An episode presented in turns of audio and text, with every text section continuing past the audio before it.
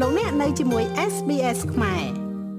ប្រទេសអូស្ត្រាលីជាប្រទេសដែលកើតជំងឺមហារីកស្បែកច្រើនជាងគេបំផុតនៅលើពិភពលោកមហារីកស្បែកភាគច្រើនដោយរួមទាំងការឡើងស្នាមជាំខ្មៅលើស្បែកកើតមានឡើងបន្ទាប់ពីមានការខូចខាតលើកោសិកាស្បែកដោយសារតែការប៉ះនឹងកាំរស្មីអ៊ុលត្រាស្វាយដោយគ្មានការការពារនិងការបញ្ចេញកាំរស្មីពីព្រះអាទិត្យ របាយការណ៍ស្ដីពីការតាំងលំនៅថ្មីនេះពិនិត្យទៅលើហានិភ័យផ្សេងផ្សេងបណ្ដាលឲ្យកើតជំងឺមហារីកស្បែកព្រមទាំងពលរដ្ឋដែលមានស្បែកខ្មៅនិងវិធីផ្សេងផ្សេងដើម្បីរក្សាសុវត្ថិភាពពីព្រះអាទិត្យនៅអូស្ត្រាលីអ្នកនាង Christian Holman Lee កើតនៅប្រទេសប្រេស៊ីលនិងមានវ័យវឌ្ឍនាការនៅប្រទេសអ៊ីតាលីអ្នកនាងបានផ្លាស់លំនៅមកអូស្ត្រាលីកាលពី8ឆ្នាំមុនហើយបច្ចុប្បន្ននេះរស់នៅទីក្រុង Brisbane អ្នកនាងគិតថាព្រះអាទិត្យនៅអូស្ត្រាលីបញ្ចេញកម្ដៅខ្លាំងជាងនៅអ៊ីតាលីពន្លឺព្រះអាទិត្យនៅអូស្ត្រាលីពិតជាខ្លាំងណាស់បើធៀបទៅនឹងកាំរស្មីព្រះអាទិត្យនៅអ៊ីតាលីនៅអ៊ីតាលីពន្លឺព្រះអាទិត្យមានភាពស្រទន់ប៉ុន្តែនៅទីនេះពន្លឺនេះខ្លាំងមែនទែនហេតុដូចនេះហើយបានជាខ្ញុំមិនដែលចេញទៅក្រៅក្រោមពន្លឺថ្ងៃចំទេខ្ញុំតែងតែបាំងឆាត់ ឬសូម្បីតែខ្ញុំដើរខ្ញុំតែងតែជ្រើសរើសផ្លូវដែលមានម្លប់ដើមឈើខ្ញុំមិនចូលចិត្តព្រះអាទិត្យនៅទីនេះទេដោយសារការចាំងកាំរស្មីខ្លាំងពេកសម្រាប់ខ្ញុំប្រទេសអូស្ត្រាលីគឺជាប្រទេសដែលមានអត្រាកើតជំងឺមហារីកស្បែកច្រើនជាងគេបំផុតនៅលើពិភពលោកតាមការិយាល័យស្ថិតិអូស្ត្រាលីក្នុងចំណោមពលរដ្ឋដែលកើតជំងឺមហារីកក្នុងឆ្នាំ2017-2018មានពលរដ្ឋមួយរូបក្នុងចំណោម3រូបកើតជំងឺមហារីកស្បែក ដែលជាហេតុធ្វើឲ្យជំងឺមហារីកស្បែកជាជំងឺមហារីកដែលមានច្រើនជាងគេបំផុតតើហេតុអ្វីបានជាប្រទេសអូស្ត្រាលីមានអត្រាអ្នកកើតជំងឺមហារីកស្បែកច្រើនបែបនេះលោក David Whiteman ជាប្រធានក្រុមស្រាវជ្រាវនិងជាអនុប្រធានវិទ្យាស្ថានស្រាវជ្រាវវិទ្យាសាស្ត្រ Cancer Control Group លោកមានប្រសាសន៍ថាមានកត្តារួមផ្សំជាច្រើន ដែលបណ្ដាលឲ្យមានអត្រាកើតជំងឺមហារីកស្បែកច្រើនជាងគេនៅអូស្ត្រាលី។ នៅអត្តកូលខាងត្បូងប្រទេសរបស់យើងស្ថិតក្នុងរយៈបន្ទាបទៀតដូច្នេះបរិមាណពន្លឺព្រះអាទិត្យដែលចាំងមកលើផែនដីនៅអូស្ត្រាលីមានច្រើនជាងកាំរស្មីព្រះអាទិត្យដែលចាំងមកលើទ្វីបអឺរ៉ុបនិងអាស៊ីខាងជើងនិងទីតាំងផ្សេងទៀតនៅលើពិភពលោកដូចជានៅអាមេរិកខាងជើងជាដើមដូចនេះមានកាំរស្មី UV ច្រើនចាំងមកលើផ្ទៃផែនដីដែលយើងរស់នៅសប្តាហ៍ថ្ងៃនេះក្រៅពីកត្តាទីតាំងប្រទេសអូស្ត្រាលីក៏មានកត្តាដំណើរវិលជុំវិញព្រះអាទិត្យផងដែរ នៅអត្តពលខាងត្បូងដោយសារតែវិធីដែលផែនដីវិលជុំវិញព្រះអាទិត្យនៅរដូវក្តៅរបស់យើងនៅអូស្ត្រាលី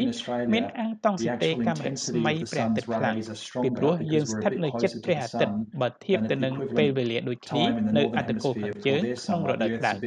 ដែលនៅទីនេះផែនដីស្ថិតនៅឆ្ងាយពីព្រះអាទិត្យជាង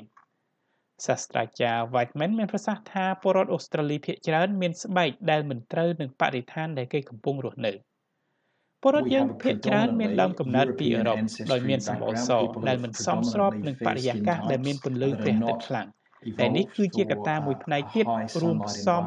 ដល់ការកើតជំងឺមហារីកស្បែកច្រើនផងដែរវិជ្ជាបណ្ឌិតអាហ្មាត់ហាសេនៀនគឺជាវិជ្ជាបណ្ឌិតគ្រួសារនៅទីក្រុងស៊ីដនីហើយមានការទទួលស្គាល់លើការព្យាបាលជំងឺមហារីកស្បែក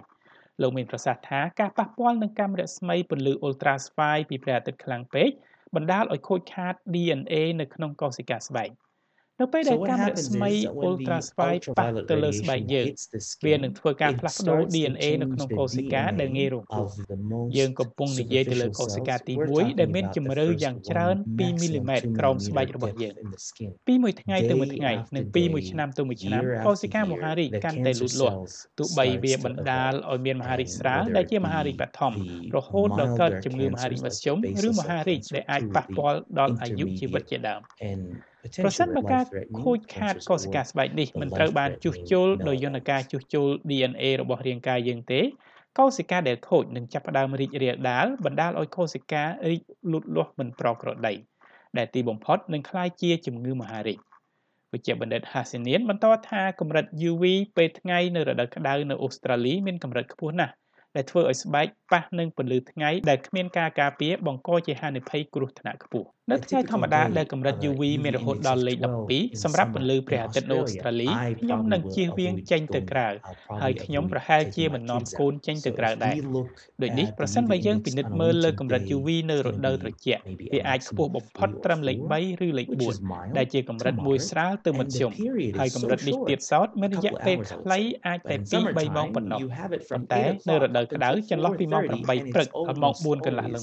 ងាចកម្រិតកាំរស្មី UV នេះតែងតែកើនឡើងពី12ដល់លេខ14ប្រធានគណៈកម្មការមហារាជស្បែកលោកស្រី Payne Preston លើកទឹកចិត្តពលរដ្ឋអូស្ត្រាលីទាំងអស់ឲ្យមើលកម្រិតកាំរស្មី UV នៅលើទីតាំងដែលគេធ្វើដំណើរទៅកាន់មុនចេញទៅក្រៅដោយប្រើកម្មវិធី Sun Smart ឬមើលគេហទំព័រការិយាល័យឧតុនិយម យើងផ្ដល់អនុសាសន៍ដល់ពលរដ្ឋអូស្ត្រាលីឲ្យប្រើវិធីការពារពីពន្លឺព្រះអាទិត្យច្រើនវិធី នៅពេលកម្រិតកាំរស្មី UV មានចាប់ពីលេខ3ឡើងទៅនៅពេលអត្រា UV មានចាប់ពីលេខ3ចូលប្រើវិធីពាក់អាវការពារស្បែកឲ្យបានច្រើនតាមដែលអាចធ្វើទៅបានលាបលេការពារកម្ដៅ sunscreen ដែលមានកម្រិតការពារពី30ឡើងទៅពាក់មួកដែលអាចគ្របដណ្ដប់លើមុខកនិងត្រចៀកស្វែងរកម្លប់និងពាក់វ៉ែនតាការពារកម្ដៅៅថ្ងៃដូចនេះការប្រើប្រាស់វិធីការពារទាំង5ប្រភេទនេះនឹងផ្ដល់ការការពារបានយ៉ាងប្រសើរបរដ្ឋដែលមានស្បែករាងខ្មៅមានសារធាតុមេឡានីនដែលការពារមិនឲ្យខូច DNA បាននេះបើតាមលោក Whiteman ជាការពិតស្បែកខ្មៅការពារមិនឲ្យកើតជំងឺមហារីកមហារីកស្បែកពីព្រោះសារធាតុមេឡានីនដែលស្បែករបស់យើងផលិតដោយធម្មជាតិបង្កើតជារនាំងមួយដែលអាចការពារបានពីកាំរស្មី UV សារធាតុនេះបង្កើតជារនាំងតូចមួយនៅជុំវិញកោសិកាស្បែកដូចជារនាំងការពារនិងស្រូបយកកាំរស្មី UV ទាំងអស់ហើយរនាំងនេះការពារមានប្រសិទ្ធភាពណាស់ហើយវាការពារមិនឲ្យខូចខាត DNA នៅក្នុងកោសិកាទាំងនេះ ប៉ុន្តែនេះមិនមានមានន័យថាពលរដ្ឋដែលមានស្បែករាងក្រមៅគ្មានហានិភ័យក្នុងការកើតជំងឺមហារីកស្បែកនោះទេវិជ្ជបណ្ឌិតហាសានៀនមានប្រសាសន៍ថាអ្នកជំងឺរបស់លោកជាច្រើនដែលមានស្បែករាងក្រមៅក៏កើតជំងឺមហារីកស្បែកដែរលោកបានជំរុញឲ្យពលរដ្ឋគ្រប់រូបមានភាពវៃឆ្លាតក្នុងការការពារខ្លួនពីកាំរស្មីព្រះអាទិត្យពលរដ្ឋមួយរូបមួយរូបសុទ្ធសឹងតែខុសៗគ្នាខាងផ្នែកវិទ្យាសាស្ត្រវិជ្ជបណ្ឌិតល្អនឹងប្រាប់អ្នកជំងឺរបស់ខ្លួនថាមានកត្តាហានិភ័យ ចូលជៀសវាងពីកត្តាហានិភ័យទាំងនេះដូចគ្នានេះដែរគ្រូពេទ្យព្យាបាលជំងឺបេះដូងនឹងផ្ដល់ដំបូន្មានដល់អ្នកជំងឺរបស់ខ្លួនថាខ្ញុំចង់ឲ្យអ្នកឈប់ជក់បារីខ្ញុំចង់ឲ្យអ្នកបរិភោគអាហារផ្ដល់សុខភាពល្អខ្ញុំចង់ឲ្យអ្នកចាប់ផ្ដើមហាត់ប្រាណដូចនេះកាំរស្មីអ៊ុលត្រាស្វ័យឬក៏កាំរស្មី UV ជាកត្តាបង្កហានិភ័យក្នុងការកើតជំងឺមហារីកស្បែកហើយពលរដ្ឋមានស្បែកក្រមៅមានស្បែកសសុទ្ធសឹងតែរងនៅកត្តាហានិភ័យដូចគ្នាអ្នកមានស្បែកខ្មៅមានការការពារប៉ុន្តែមិនមានមានន័យថាអ្នកទទួលបាននៅការការពារគ្រប់ពេលវេលានោះទេ